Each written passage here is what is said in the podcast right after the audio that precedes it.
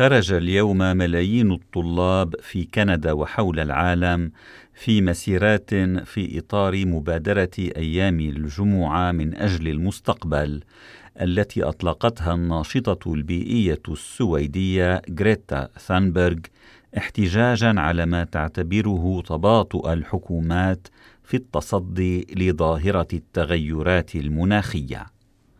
وثونبرغ ابنة الستة عشر ربيعا حاضرة اليوم في مونريال كبرى مدن مقاطعة كيبك الكندية إلى جانب المتظاهرين.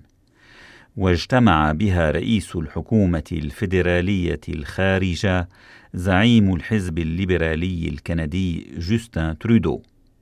ويعتقد البعض أن صورة ترودو معها اليوم قد تفيده بعد أربعة أسابيع عندما يتوجه الكنديون إلى صناديق الاقتراع في انتخابات عامة وكان ملايين الشباب والأقل شبابا قد ساروا في مسيرات ضخمة حول العالم منذ يوم الجمعة الفائت ضمن مبادرة أسبوع المناخ الدولي التي أطلقتها منظمات بيئية عديدة احتجاجا على ما تعتبره هي الأخرى تباطؤ الحكومات في التصدي للتغيرات المناخية.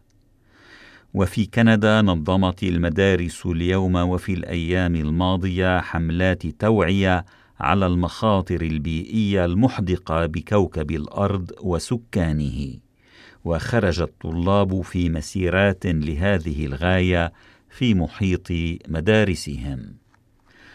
جنفييف شارتيه تدرس مادتي التاريخ والجغرافيا لطلاب السنة الثانوية الثانية في إحدى مدارس كيبيك عاصمة المقاطعة التي تحمل الاسم نفسه. وهي تتحدث لراديو كندا عن مسيرة للطلاب في محيط مدرستها للتوعية على ضرورة مكافحة التغيرات المناخية. avec euh, beaucoup de pression des élèves, on a décidé qu'on s'engageait dans cette activité-là qui est très spéciale, c'est-à-dire de sortir de l'école pour euh, lutter contre les changements climatiques.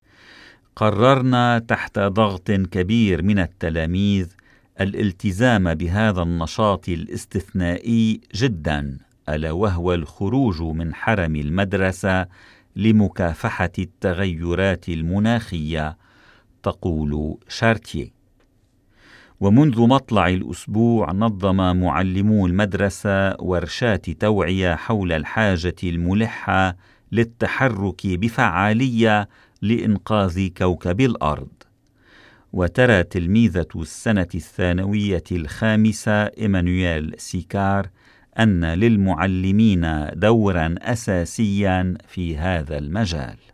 C'est une question de conscientisation parce qu'il y a des gens qui sont pas au courant de l'impact que ça peut avoir sur notre vie future. Donc, que l'école l'emmène, c'est une bonne façon de nous éduquer sur ce sujet-là. إنها مسألة التوعية لأن هناك بين التلاميذ من لا يدرك تأثير التغيرات المناخية على حياتنا في المستقبل.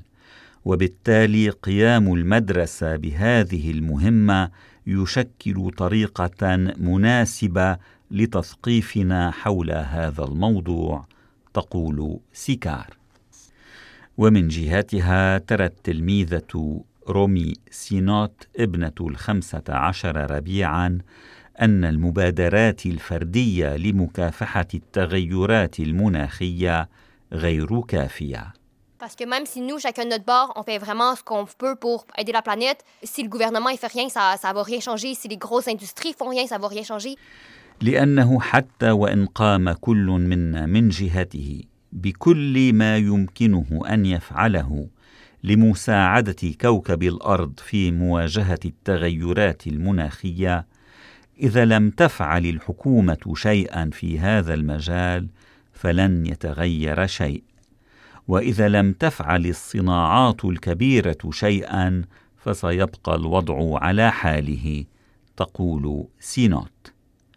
يشار إلى أن اللجنة الدولية للتغيرات المناخية التابعة لمنظمة الأمم المتحدة قالت في تقرير صادم أصدرته يوم الأربعاء إن ظاهرة التغيرات المناخية ستجعل محيطات العالم أكثر دفئا ومنسوبها أكثر ارتفاعا وفاقدة للأكسجين وإن بعض الآثار المدمرة لهذه التغيرات لا رجعة فيها.